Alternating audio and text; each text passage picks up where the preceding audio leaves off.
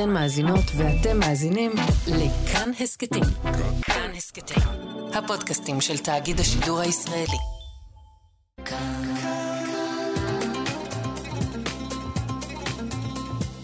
כאן תרבות. בואו נניח לרגע את הספר ונקשיב. עכשיו, מה שכרוך. כאן תרבות.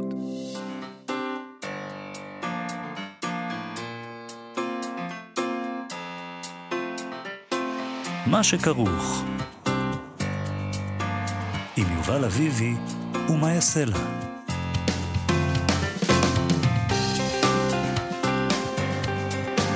שלום, צהריים טובים, אנחנו מה שכרוך, מגזין הספרות היומי של כאן תרבות. אתם מאזינים לנו ב-104.9 או ב-105.3 FM. אפשר גם להאזין לנו כהסכת באתר, באפליקציה של כאן ובכל יישומוני ההסכתים. איתי אשת הוא המפיק שלנו.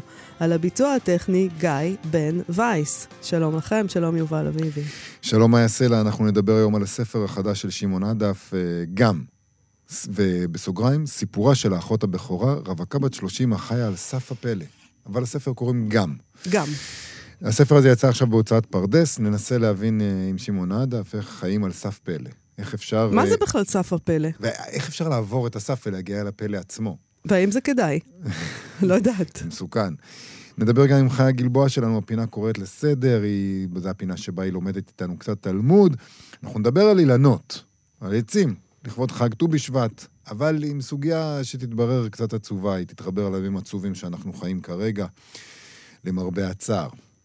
לפני אה, כל הדברים האלה, אתמול הוכרזו המועמדים לפרס האוסקר, בהם גם המועמדים בקטגוריית התסריט המעובד.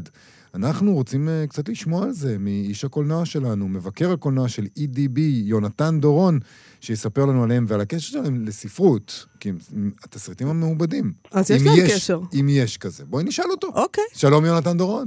שלום לכם. התגעגענו. תודה. טוב שחזרת. אה, כן, מי, קודם כל, מי המועמדים? מי המועמדים? יש לנו חמישה סרטים מתמודדים, אה, נתחיל בשניים שלא ראיתי, שנקראים, עדיין לא ראיתי, אה, אזור העניין ו American Fiction. אה, אזור העניין הוא סרט בריטי אבל הוא דובר גרמנית, כי זה מדבר על רודולף הס שעובר לגור עם אשתו צמוד לאושוויץ. הספר, קוראים לזה מעובד בחופשיות, זה מצחיק כי הספר הוא לא על הס, אלא על דמות שמבוססת על הס. והסרט אומר את השם שלו, זה רודולף הס ואשתו. Mm, אוקיי. הם הרגישו שזה צריך להיות טיפה, להסביר לקהל מה הם רואים כאילו. אה, אני חושב שהסופר רצה קצת נראה קצת לברוח מהמציאות ולהמציא עולם משלו ואולי לא להיצמד יותר מדי לפרטים, והבמאי אמר לא, אני מספר פה סיפור קשה, אמיתי, על חיי זוג, כאילו בית רגיל, אבל במקרה מעבר לגדר קורים דברים איומים ונוראים, ואיך זה משפיע על העולם שלהם כן, בעצם. זה, זה סיפור מאוד ידוע עליהם, שחיו להם שם, בבית הנחמד שלהם ליד אושוויץ. כן. אז uh, הסרט צפוי לזכות בסרט הזר הטוב ביותר, 아. אה. הסרט הבריטי הראשון שזוכה בפרס הזה, ו...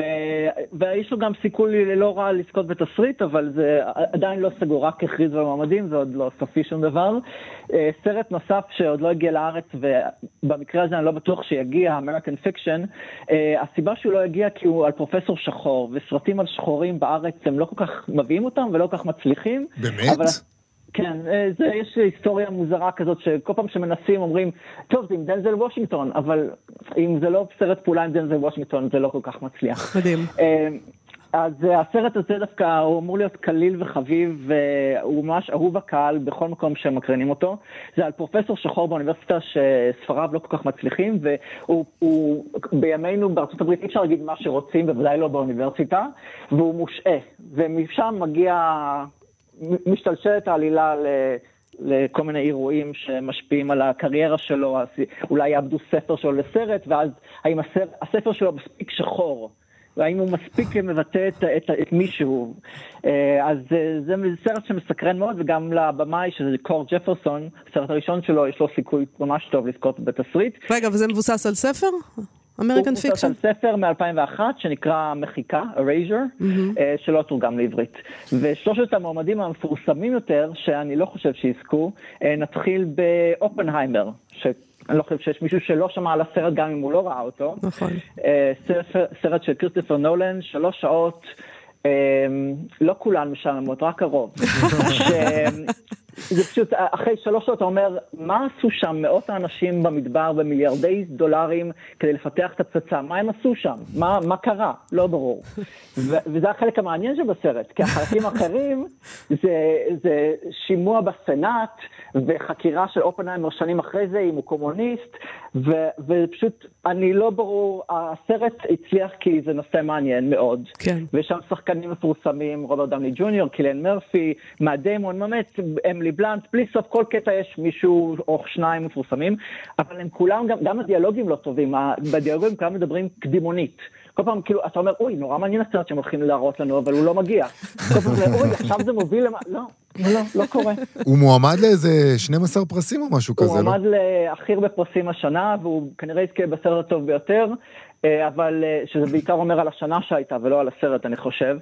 וכריסטופר נולן שכתב וביים, אני לא חושב שהוא יזכה על תסריט, כי הוא כנראה יזכה על בימוי וכמפיק, אז כאילו יגידו, טוב, מספיק, מספיק, מספיק לו, שלו. כן.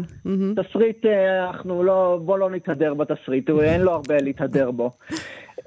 סרט שהצליח עוד יותר מאופנהיימר, ומקומו קצת שנוי במחלוקת פה בקטגוריה זה ברבי. Oh. תסריט מעובד, זה אומר שאנחנו נזכיר, אנחנו כבר יודעים, כי אתה לימדת אותנו את זה, זה לא חייב להיות, זה כל דבר שהוא לא תסריט מקורי. לא חייב להיות מספר, אתה אומר. אז אפילו אם זה מבוסס על בובה, זה עדיין תסריט מעובד? נכון, כי הסרטאית גטה גרוויג ובעלה נוח באומבך, הם לא המציאו את הדמות. זאת אומרת, הדמות, הם המציאו את העלילה, הם המציאו את הדמויות הנוספות, אבל במרכז יש את ברבי וקן, ואלה דמויות שידועות. זה משהו ש... פורסם בעבר. זה לא חייב להיות עיבוד טוב, אלא חייב להיות משהו שמבוסס על דמות. למשל, אם אני עושה סרט על שרלוק הולמס, ואני לא לוקח שום דבר מהספרים, אבל יש לי דמות של שרלוק הולמס, מבחינתם זה תסריט מעובד, כי אני לא המצאתי את הדמות. אני לא בראתי יש מאין מאפס. אצלי בבית גם יש ספרים של ברבי, אז כאילו, זה יש בסדר. יש ספרים אני... של ברבי, יש עשרות סרטים, סרטי אנימציה, ו... וזה רק עניין, שנים כבר עובדים על, אומרים שיש סרט ב... עם שחקנים, והוא הצליח באמת ברמות שאף אחד לא תיאר לעצמו מעל מיליארד דולר ברחבי העולם. מה אתה חשבת על הסרט הזה, על ברבי? אני חשבתי שהוא היה מעצבן מאוד. Mm. הוא היה לא אחיד, אני לא אהבתי את זה שיש בו כל מיני סגנונות שונים, ובעיקר מכרו אותו כקומדיה כשהוא ממש לא קומדיה. זאת, זאת, זה אולי עולם כזה ורוד ויפה, אבל בעצם זו דרמה על מישהי שמחפשת את עצמה, זה ברבי שיוצאת מעולם של הפלסטיק והצבעוני, נכנסת לעולם האמיתי ומגלה שאנשים לא נחמדים, שיש לכלוך ודברים דוחים ומנצלים ושוביניסטים, אנשים. כן. זה, זה, כן, זה, זה סרט שציפו ממנו שיהיה מועמד ליותר פרסים, שמרגו רובי תומץ כשחקנית, אבל אני חושב שההצלחה האדירה שלו, יש משהו שבאוסקר רוצים סרטים מצליחים, אבל לא, לא יותר מדי. אנחנו לא... אבטר היה מועמד לסרט הטוב ביותר, והוא לא זכה חס וחלילה. כאילו, יש גבול למה שאנחנו מוכנים לקבל. מה האחרון? האחרון חביב זה משכנים שכאלה, שיורגוס לנטמוס, במאי יווני שעשה את המועדפת לשיני כלב, סרט לא קל, מה שנקרא, לא קל לעיכול, הוא לא לקהל הרחב, כי אמה סטון שהיא מקסימה תמיד, אז פה היא מקסימה בצורה אחרת, כי היא מגלמת את בלה, ששכלה אינו בראשה. לא כל כך מדברת והיא כלואה בבית עם רופא מנתח שמקלם וויליאם דפו, שלא יכול להיות מישהו נורמלי גם אם הוא משחק איש ברחוב. נכון. והחיים שלה משתנים ושל כל הבית משתנים כששני גברים בנפרד מגיעים אליו, ובמקביל היא מגלה את המיניות שלה. והסרט הוא מרהיב ביופיו, בעיצוב, בתלבושות, זה עולם קצת פנטזיה, אבל הוא מוזיקה מאוד... שתלטנית, ו- ויש שם משהו מעוות ומגוחך, ו- והיא הזכירה לי, הדמות של בלה היא קצת מזכירה את הדמות מלהיות שם, שפיטר סלר שיחק ב- ב- בסרט להיות שם, כן. ש- של מישהו שהוא לא לגמרי חכם, אבל הוא אומר אמרות כאלה שאנשים מבינים ואומרים, אוי, יש בזה משהו, על החיים, על הקשרים בין גברים לנשים, ו- ובין נשים בעולם. ויש שם המון דברים יפים, אבל הוא באמת אה, הרבה עירום ומיניות ו- והומור אפילו לא שחור, זה מה מעבר לשחור? שחור כהה. אז, אה, ואמה סטון היא מצליחה להיות מקסימה בלי, בלי לחייך ובלי ההומור הרגיל שלה, אלא פשוט בזה שהיא מסתכלת את העולם ואיך שהיא מגלה את עצמה ואיך שאנשים מתייחסים אליה, זה באמת אה, מיוחד מאוד, אבל זה סרט שבעיקר, אה, אני חושב, יזכה לתשומת לב של עיצוב אמנותי ותלבושות ולא יזכה על התסריט. רגע, והוא מבוסס על ספר? הוא מבוסס על ספר, כן, שיצא לפני 20 שנה, סופר מת ממש לא מזמן. ונתן את ברכתו לבמאי, הוא אמר, אתה, יש לך ראש מעוות, אבל אני אוהב את מה שאתה עושה. אז זה באמת מאוד בולט שהראש המעוות בא לידי ביטוי בסרט, אבל זה לא סרט ש, שאנשים אומרים, אוי, התסריט מעולה, למרות שיש בו הרבה דברים יפים. אז מי, על מי אתה מהמר? תגיד לנו. אנחנו, uh, כרגע זה או American Fiction, uh, על הפרופסור השחור, או אזור העניין. אזור העניין זה על רודולף הס, כן? נכון, שיגיע לארץ במרץ, אז נוכל לראות אותו ומתי לפני הטקס. מתי הטקס? הטקס באמצע מרץ, ואנחנו... אה, נבוא איתך חשבון, נבוא איתך חשבון על ההימורים האלה מיד כשאנחנו נגלה את תוצאות האמת. יונתן דורון, תודה רבה לך על השיחה הזאת. תמיד כיף, להתראות. תודה, להתראות. מה שכרוך בכאן תרבות חזרנו. גם, זה שם הספר החדש של שמעון עדף. יש גם סוגריים, גם סיפורה של האחות הבכורה. רווקה בת 30, החיה על סף הפלא.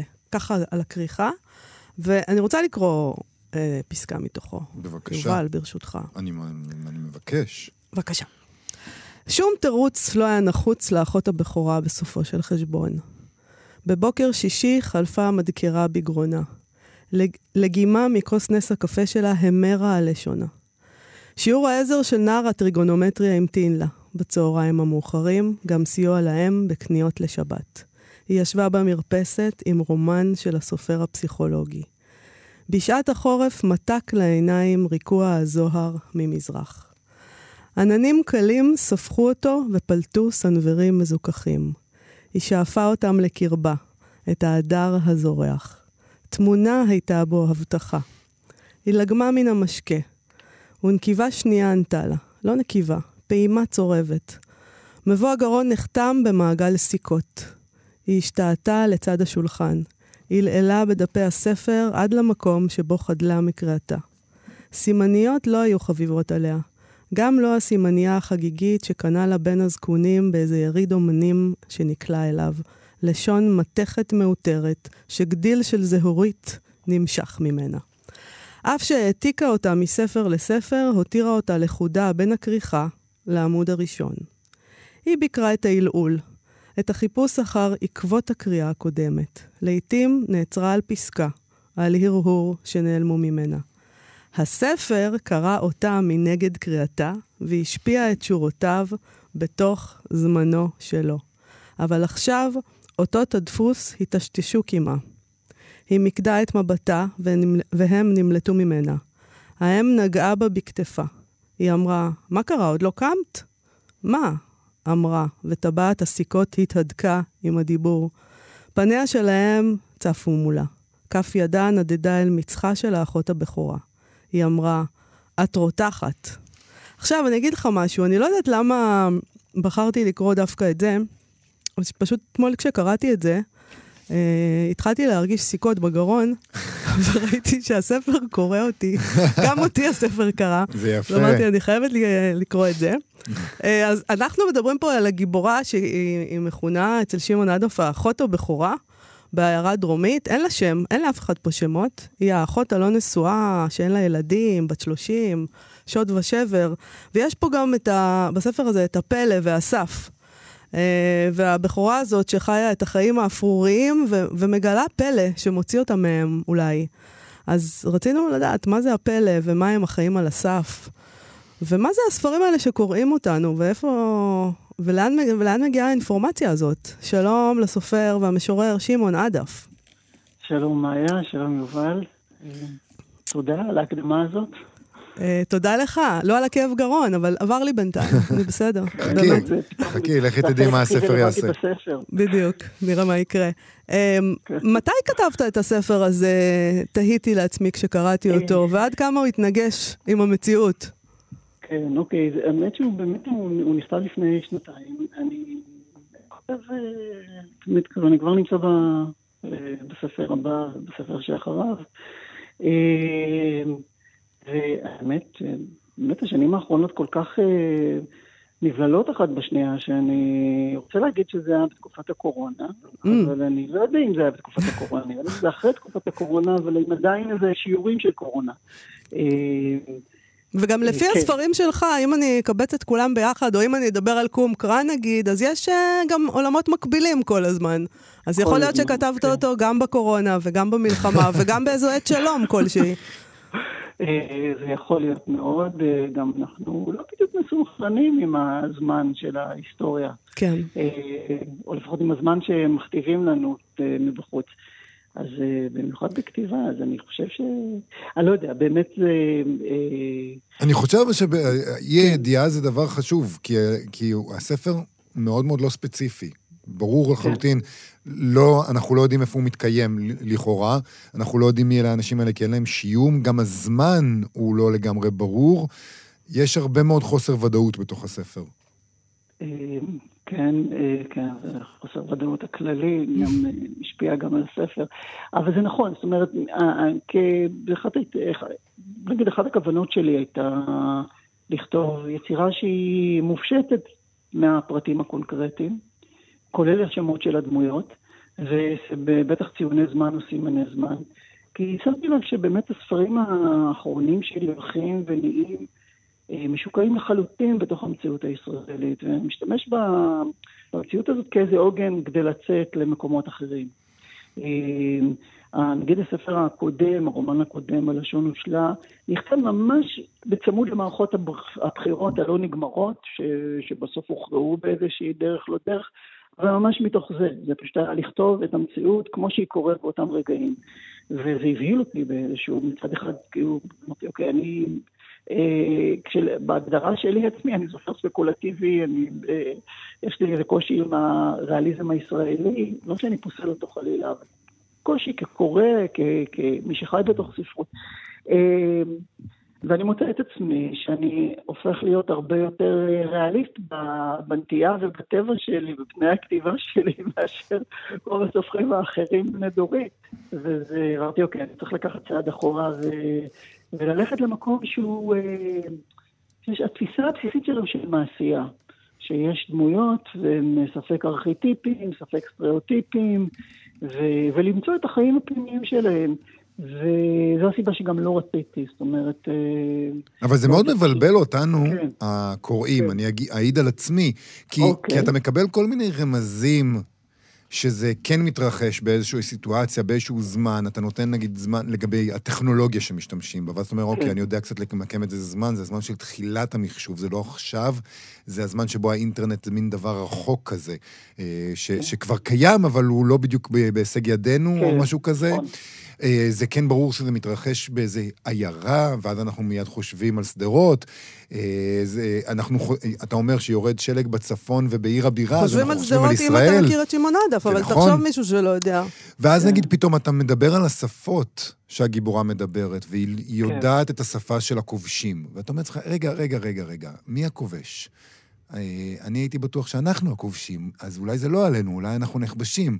מה לא קורה רק פה? זה, אלא שיש לה שפה שנייה, שלישית, רביעית, אבל בדיוק. לא אומרים לך את זה. אני חושבת שזה פשוט נהדר. אז אתה, אתה מוצא את. עצמך שאתה אתה, אתה מנסה למק... אני, אני בכוח, כקורא, מנסה למקם לעצמי. אני נאבק במה שניסית לעשות, כביכול, ואתה לא מרשה לי, אתה, אתה כל הזמן ככה מפיל אותי בפח, אם אפשר להגיד משהו ככה כל כך... אה, אה, שהוא כל כך מכוון, נגיד. כן, אני, אתה יודע, אני אה, תוך כדי כתיבה אה, לא ממש חשבתי עד הסוף של האפקט של זה, ובאמת, אה, קודם כל, נתחיל מהעניין שקשור למלאכה, ואחרי שכותבים כל כך הרבה ספרים, אה, הוא, הוא, יש כל מיני בחירות שנהיות מעייפות, כמו למשל לבחור שמות לדמויות. השתמשתי בכל השמות האלה. רגע, יעל, לא, היא הופיעה בתור דמות משנה, כאילו, מה- בדיוק עכשיו, איזה איזה שם... אה, זה עניין פונקציונלי, אתה אומר, זה כן, לא... אז אני אומר, אוקיי, בסדר, היא לא, אין לה שם, אף אחד אין שם שם. אחרי זה המקומות. אוקיי, אבל זה, אם אני אתחיל לחשוב שדרות, או אפילו מקבילה של שדרות, למה שאני נותן לה שם, היא נעשית כל כך ממשית עבורי, שהיא גם מג, מגבילה את הדמיון הגיאוגרפי שלי, ו, ו, או את היכולת שלי לתאר את המציאות החיצונית. עכשיו, אה, אה, זה מצחיק שדווקא משהו כל כך מומצא אה, יאפשר להשתחרר מה... מה או משהו כל כך מוצע מאפשר לנו לברור מציאות עשירה יותר מהמציאות שאנחנו חווים. זה מה שהרגשתי לאורך הכתיבה. אה, וגם אה, זה משהו שקשור, שהבנתי תוך כדי, שזה קשור גם לטענה של הספר, יש לי איזו טענה בספר, וגם לאיך שהאחות הבכורה חווה את העולם. אה, זה לגמרי נגזרת של החוויה שלה, שהיא... זה לא ספוילר, אני אגיד, זאת אומרת, מתישהו עולה השערה שיש לה איזו יכולת לנוע קדימה בזמן, ולא תמיד היא מבינה את זה. היא מוצאת את עצמה במציאויות שהן, היא לא מבינה עד הסוף, והן מבחינתה המשך ישיר של החוויות שלה, אבל אם אתם רוצים לתרגם את זה לעולם, אז כאילו יש, אם, אם, אם, אם אומרים, אוקיי, זה שנות, נגיד שנות סוף שנות ה-80, תחילת שנות ה-90, מבחינה טכנולוגית, נכון? זאת אומרת, אבל מתישהו היא נמצאת במציאות שלמישהו יש טלפון חכם. כן. נכון. ובמובן הזה, רציתי להעביר גם את תחושת החוסר האוריינטציה שלה. זאת אומרת, זה לא, לא תלישות, אלא זה הופך להיות הכוח שלה. היכולת שלה לא לקבל את הדברים כמובנים מאליהם. וגם להבין שנגיד שמשהו שהוא כינוי ואמור להגביל, הוא דווקא יוצר פתאום מין עושר פנימי, יש שם... המחשבה היא ש... זאת אומרת, המחשבה היא שיכול להיות שכולנו חיים איזו מציאות שבעבור אה, אה, עם אחר או אה, במציאות חלופית אחרת, זו המיתולוגיה שלהם. השיחה בינינו, עכשיו נזכה למיליון פרשנויות. למה היא התכוונה? למה היא פרחרה את הקטע הזה? למה יובל שאל את השאלה הזאת? והעניין זה שזה גם שוב, זה, זה הכוח, בעיניי זה... אגב, אני לא אומר על דמויות שלי שאני אוהב אותן, זה לא, לא שיקול. אבל זו דמות שהלכתי והתאהבתי בה לאורך הכתיבה, כי היא לכאורה מבחוץ, אה, יש בה משהו כמעט עלוב, במובן בצורת החיים שלה היא לא ממומשת. ומצד שני, יש לה פתיחות עצומה ביחס להכל. היא לא מוגבלת בזמן, היא לא מוגבלת במרחב, היא לא מוגבלת אפילו בשמות פרטיים. אתה חושב שהיא לא מוגבלת, אה, הבכורה, בגלל שהיא גם, נגיד, אה, לא התחתנה ואין לה ילדים, והיא, אתה יודע, היא באיזה מקום כזה שהיא יכולה לשמוע? יכול להיות, כן. יכול להיות. אני לא, לא אתחייב על זה, אבל אני זוכר שיש את ה... בנעוריי קראתי את הספרים של קרלוס קסטנדה. מכירים את הספרים שלו? בטח. נכון. כולנו קראנו אותם. של דון חואן, כן, ממש. אז יש, יש מתישהו דון חואן אומר לקרלוס קסטנדה, שהגוף האנרגיה שהוא העצמי שלו, מתפרסם עם הולדת ילדים, וכל ילד לוקח ממנו משהו, ובגלל זה הוא לא יכול להשתנות מגיל מסוים, אנשים לא יכולים להשתנות, וגם לא מזומנות להם חוויות רוחניות אה, אה, חדשות. אני לא יודע אם זה משהו שדיבר בירכתי המוח שלי כשכתבתי את זה, אבל יכול להיות. אני לא אומר שזאת האמונה שלי, אבל אני חושב שיש קשר, כן. בוא נדבר על השם של הספר. גם. כן. גם. גם מה? גם, גם. גם זה, זה להגיד ש... גם זה וגם זה. גם הווה, גם עבר, גם עתיד. גם, בדיוק, כן. Mm-hmm. גם, גם ריאליזם, גם מיתולוגיה, גם פלא, גם, אה, אה, אה, גם מציאות עלובה. זאת אומרת, אנחנו נמצאים ב... בסופר פוזיציה, זאת אומרת, יש לנו כמה מצבים בבת אחת, ו, ובמידה רבה אנחנו אפילו לא בוחרים, אלא חיים אותם כל הזמן. אתה יודע, הספרים שלך הרבה פעמים גורמים אה, לפרשנויות, אה, אתה יודע, אצלי, לפרשנויות שלפעמים אני אומר, יובל, תרגע, תפסיק להיות, אה, תפסיק להתפרע. אה, יש את הדברים עצמם, גם, אה, גם מאיה לא מרשה לי יותר מדי להתפרע בדברים האלה, אבל כן יש תחושה... לא, בבית שלך אתה יכול לעשות מה שאתה רוצה. בבית, לא, ננסה את זה לרגע פה, ותגיד לי אם זה... יש תחושה, גם בדרך שבה הספר הזה מתכתב עם המציאות, וגם בדרך שבה הוא מסרב להיות קונקרטי, וגם, אני, אני לא זוכר אם הזכרנו את זה, אבל היא הולכת לראיון עבודה והיא מתחילה לעבוד במשרד של קבלן, ויש שם עניין של לבנות את המקום הזה ולהקים אותו. יש שם אדריכלות, והתנועה שלה בזמן ובמרחב היא קצת מתכתבת איתך, אולי אתה הסוג של האדריכל והקבלן הזה, והדרך שבה הספר יוצא החוצה ומשפיע אה, עליה. אה, הספר שהיא קוראת משפיע עליה והמילים, זה גם כן מתקשר לדברים שאתה עושה, שזה תמיד עניין של לשון שבורט את המציאות, וש, ושנדמה לנו שאנחנו קוראים משהו עליה, אבל בעצם זה אולי גם עלינו ועל איך שאתה... אמ, על, על מידת הכוח שלך כאדריכל של הספר, לקבע אותה בכל זאת, היא כן מקובעת, אתה אומר, היא נעה במרחב ובזמן, אבל היא מקובעת לתוך השכונה שאתה בנית לה בתור האדריכל הזה. אה, זאת אומרת, אתה כן מדבר גם על משחק של הספר, של הסופר, עם הדמויות שלו, והדרך שבה הן משפיעות החוצה על העולם האמיתי, במרכאות כפולות. זו פרשנות נהדרת, לא חשבתי עליה, תודה עליה. אבל uh, מעניין, כי דווקא uh, האדריכל הוא דמות uh, נכלולית שם, אז אתה גם מאשים אותי בנכלולית במידה רבה. אתה, גם, מזהירים אותה מהמשפחת קבל, קבלנים הזאת, אומרים לה, זו משפחה של קמצנים ורמאים או משהו כזה, נכון? כן, כן, לגמרי, גם עם פה וכוח. לא לזה התכוונתי, לא. לא, לא, אני יודע שלא לזה התכוונתי, אבל מבחינת היחסים שנוצרים בין באמת מישהו שמקים את המקום, לבין מישהי שצריכה לחיות אותו בהתאם לקווי המתאר שקבעו לה. אה, והמאבק אבל... שלה, כמו שאתה אומר, במרחב הזה. כן, אני, אני חושב שכן, יש בזה, לא חשבתי על הרובד הפרויקטי הזה, אבל אני חושב שהוא נכון, כי, כי בסופו של דבר, ה, אה, אה, התלבטתי, יש מוטו לספר של אה, ג'ין וולף, שהוא סופר אמריקאי שאני מאוד אוהב, ו- והתלבטתי בין שני מוטואים. והמוטו שנבחר אה, אה, הוא אחד, אבל המוטו השני הוא בדיוק עולה על הדברים שאמרת, יש לו, באחד הספרים הוא אומר, לא הסמלים, אה, לא, לא אנחנו יוצרים את הסמלים, הסמלים הם שיוצרים אותם. וההיפוך הזה, שבסופו של דבר אנחנו יצירה של הסמלים, או קורבנות של הסמלים, שאנחנו חלמנו, אה, זה נכון, אתה צודק. אני רוצה לשאול אותך על העניין הזה של סף הפלא. כן. איפה כדאי לנו להיות? היא על סף הפלא, אבל מה אם להיות בתוך הפלא? הפלא מסוכן. למה הוא מסוכן? אה, כי הוא פראי, זאת אומרת, אחד הדברים שנגיד בתוך ה... נגיד המחשבה הדתית ש, ש, שקשים לי. ונגיד הערגה הזאת לאלוהים, הערגה הזאת להיות במחיצת אה, האל, או ב, להסתופף בצל כנפיו, ואלוהים מזהיר, אלוהים אומר, אני, אני, אני נורא. זאת אומרת, אני לא... זה, והקיום האנושי שלנו יימחה מהקרבה לאלוהים. בכל זאת אנחנו רוצים. יש משהו בפלא שהוא גם כזה. זאת אומרת, אנחנו רוצים אותו ואנחנו מתגוננים, מתגוננים מפניו כל הזמן. אנחנו מסרבים לו במידה רבה. הפלא, הפלא הוא גם האהבה, כן. אבל הוא גם uh, הכרת המוות שלנו עצמנו.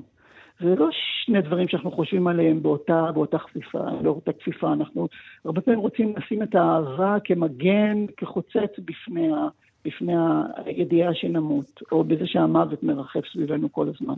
אה, והפלא אומר שזה אותו דבר. אה, ולא תמיד אנחנו רוצים לחיות אה, ביקום או במציאות שהגבולות שלהם נזילים. זה יכול להיות, יכול להיות חוויה מערערת. כן, אנחנו צריכים קשה. גבולות. לא. כן, אנחנו צריכים את אוקיי. החיים האפורים האלה במשרד, אה? אה? תחשבו, אנחנו במין, מה זה כבר שנה רביעית או חמישית שאנחנו נאבקים על שגרה. אם קודם שגרה זה הדבר הסמל הרע, הם כל חטאת פחות או יותר, זה כאילו השעמום, הבנאליות וכולי. שאנחנו נשטפים בגלים של פלא, שאנחנו חווים אותם כהרס, כחורבן, כשינוי מזעזע, וזה נכון, זאת אומרת, אני לא... זה... אבל, וכל מה שאנחנו נאבקים זה לא עכשיו להבין אותנו בפנים. אנחנו לא רוצים להיות ברגע הזה. אנחנו רוצים עכשיו חזרה את ה... את, הש... את ה... באמת, מה שמאסנו בו, השעמום, האפרוריות, חוסר החשק. תגיד, והספרים, הם קוראים אותנו באמת? כן, לפחות זו החוויה שלי, זה לא החוויה שלה. הנה, עכשיו הדגמתי את זה, לא? שזה במידה רבה... אה... במובן של... אנחנו פותחים, נכון שאנחנו פותחים ספר, אנחנו אחרים, אבל אנחנו לא מודעים לזה שאנחנו כבר אנשים אחרים. אבל כשעומדת נגד עינינו איזו פסקה שקראנו בעבר, ופתאום קראנו אותה מחדש, הבנו משהו לגבי עצמנו, לגבי השינוי שחל בנו, שלא היינו ערים לו. זאת אומרת, אה, אנחנו מתאכזבים מספרים, אנחנו, מוצ... אנחנו מגלים אותם, ובמקרה הטוב, זאת אומרת שספר ש... חשבנו שהוא לא בשבילנו, פתאום מתגלה לנו כספר שהוא חשוב ומהותי לנו. כן, אני חושב שספרים יודעים מה אנחנו צריכים, וספרות יודעת מה אנחנו צריכים, וזה קצת כמו אה, משחק ניחוש מתמיד, יש כאלה שמנחשים בציפורים, יש כאלה שמנחשים בקפה, אני מנחש בספרים. שמעון עדף, מנחש בספרים, זה הטייטל שלך. אה, מעכשיו אני אשתמש בו. מאוד הולם, זהו. גם סיפורה של האחות הבכורה, רווקה בת 30, החיה על סף הפלא, זה יצא בהוצאת פרדס. תודה רבה לך על השיחה הזאת. תודה לשניכם. תודה, שמעון, להתראות. עכשיו, במה שכרוך, קוראת לסדר. אנחנו, מה שכרוך, חזרנו אל הפינה שלנו, קוראת לסדר, כפי ששמעתן. שבה אנחנו לומדים סוגיות בתלמוד עם החברותא שלנו, חיה גלבוע. הפינה הזאת אנחנו מקדישים לציין את אה, ט"ו בשבט. אפשר היה בכלל לשכוח שקורה ט"ו בשבט, נכון? מ... חג שמח, יובל. כן, זה חג אופטימי של התחדשות. נכון. וטבע, בתוך החדשות האיומות שנופלות עלינו מדי יום. אז אנחנו נעסוק היום אה, בצומח, אבל חייב להגיד שאני מרגיש שהחדשות עומדות לזלוג פנימה גם לתוך החג האופטימי הזה. שלום חיה גלבוע. שלום יובל, שלום מאיה. בואי נדבר קצת על עצים ועל אילנות. כן, גם. גם. אז הבאתי טקסט ממדרש שנקרא פרקי דרבי אליעזר, שזה מיוחס לדמות מהמאה השנייה, אנחנו מכירים אותה מהמשנה ומהתלמוד, והטקסט שנקרא מדבר על הסאונד של הזעקה השותקת. אה, והבאתי אותו גם כי הוא קשור בעיניי ליום הזה של ט"ו בשבט, ליחס שלנו לאילנות, לעצים.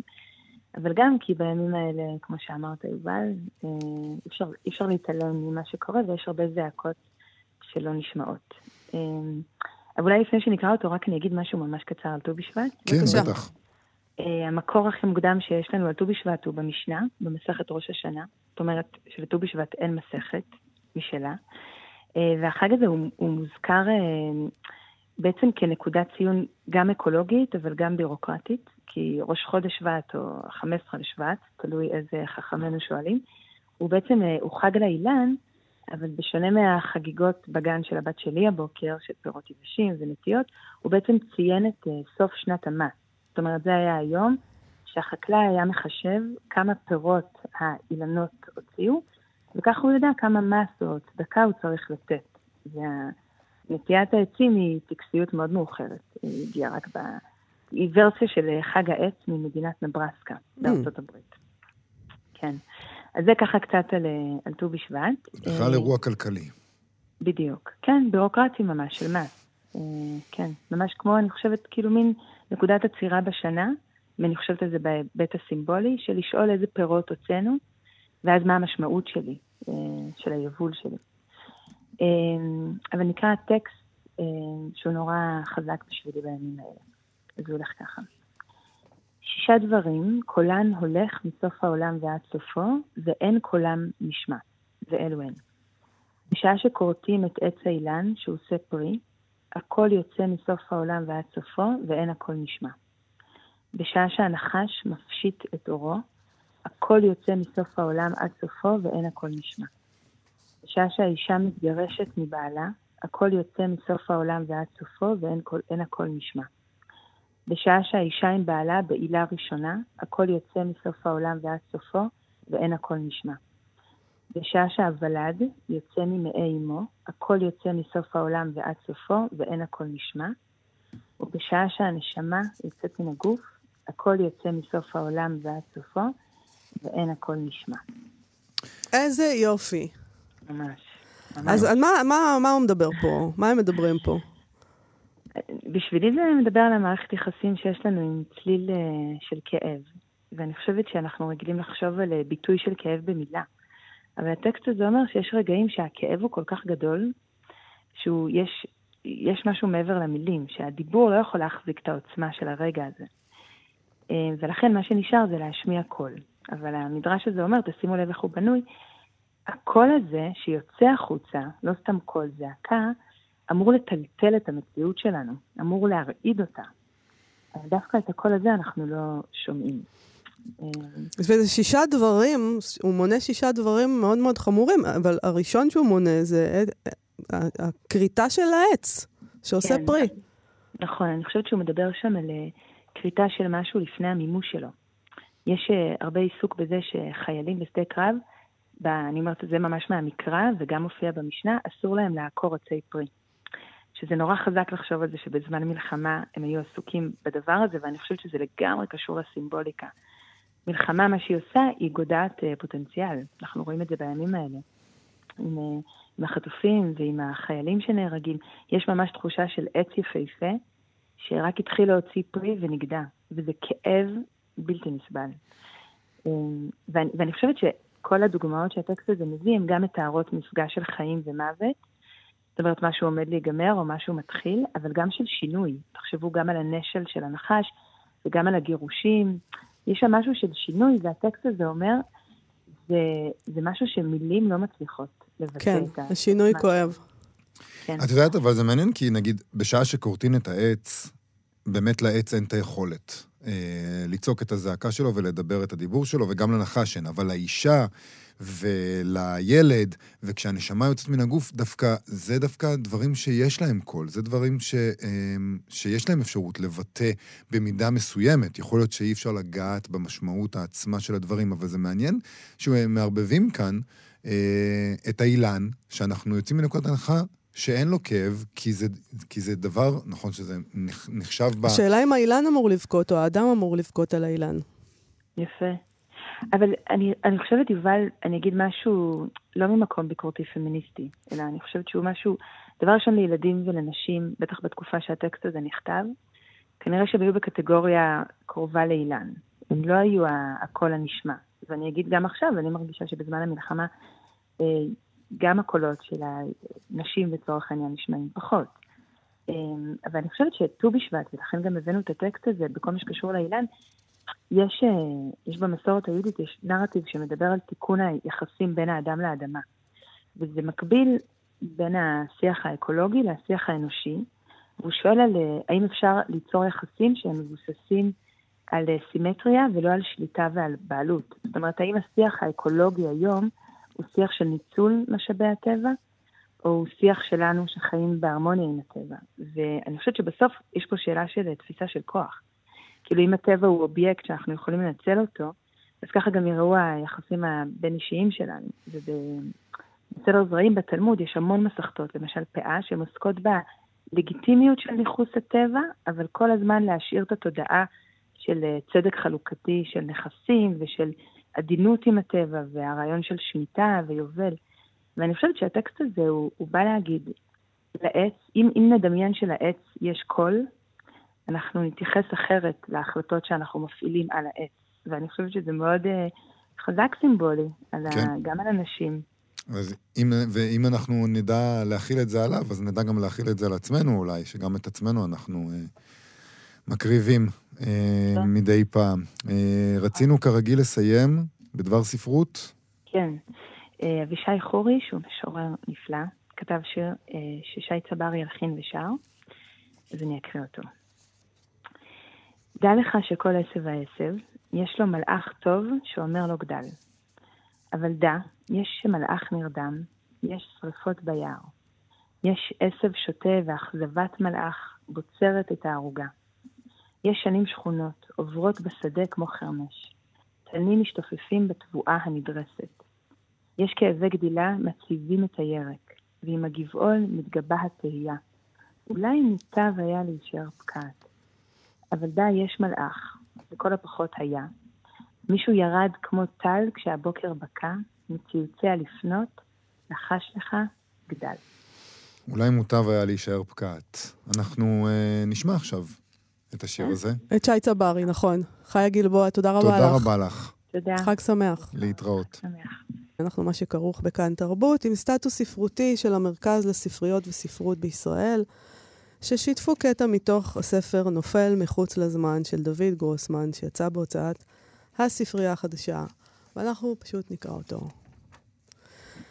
אני כנראה יכול להבין רק דברים שבתוך הזמן, אנשים, למשל, או מחשבות, או צער, או שמחה, סוסים, כלבים, מילים, אהבה. דברים שמזדקנים, שמתחדשים, שמשתנים. גם געגועי אליך כלואים בתוך הזמן. האבל נעשה ותיק יותר, עם השנים, ויש ימים שהוא חדש, טרי. כך גם הזעם על כל מה שנגזל ממך. אבל אתה כבר לא. עצמך כבר לא. מחוץ לזמן אתה. איך להסביר לך, הלא גם ההסבר דחוק בתוך הזמן. סיפר לי פעם איש מארץ רחוקה, שבשפתו אומרים על מי שמת במלחמה, נפל. וכך אתה, מחוץ לזמן נפלת. הזמן שבו אני שוכן חולף על פניך. דמות עומדת לבדה על רציף בלילה, ששחורו דלף מתוכו עד כלות. אני רואה אותך, אבל איני נוגע, אינני חש אותך במחושי הזמן שלי. אם אני, עם הקטע הזה, אנחנו נסיים. עד כאן תוכניתנו להיום. תודה רבה לאיתי אשת, המפיק שלנו, ולגיא בן וייס על הביצוע הטכני. אנחנו מזמינים אתכן ואתכם כמובן לבקר בעמוד הפייסבוק שלנו מחר, יום חמישי, נכון? הגיע כבר יום חמישי, בשבע בבוקר אנחנו נהיה פה עם המיטב של השבוע החולף. אתן מאזינות ואתם מאזינים לכאן הסכתים. כאן הסכתים, הפודקאסטים של תאגיד השידור הישראלי. אתם מאזינים לכאן הסכתים, הפודקאסטים של תאגיד השידור הישראלי.